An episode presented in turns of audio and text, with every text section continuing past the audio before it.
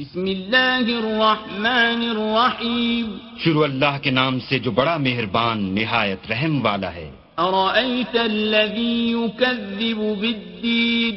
भला तुमने उस शख्स को देखा जो रोज जजा को झुटलाता है فذلك الذي يدع اليتيم ये वही बदबख्त है जो यतीम को धक्के देता है ولا يحض على طعام المسكين और फकीर को खाना खिलाने के लिए लोगों को तरगीब नहीं देता فويل للمصلين तो ऐसे नमाजियों की खराबी है الذين هم عن صلاتهم ساهون जो नमाज की तरफ से गाफिल रहते हैं الذين هم يراءون जो रियाकारी करते हैं ويمنعون الماعون और बरतने की चीजें आरियत नहीं देते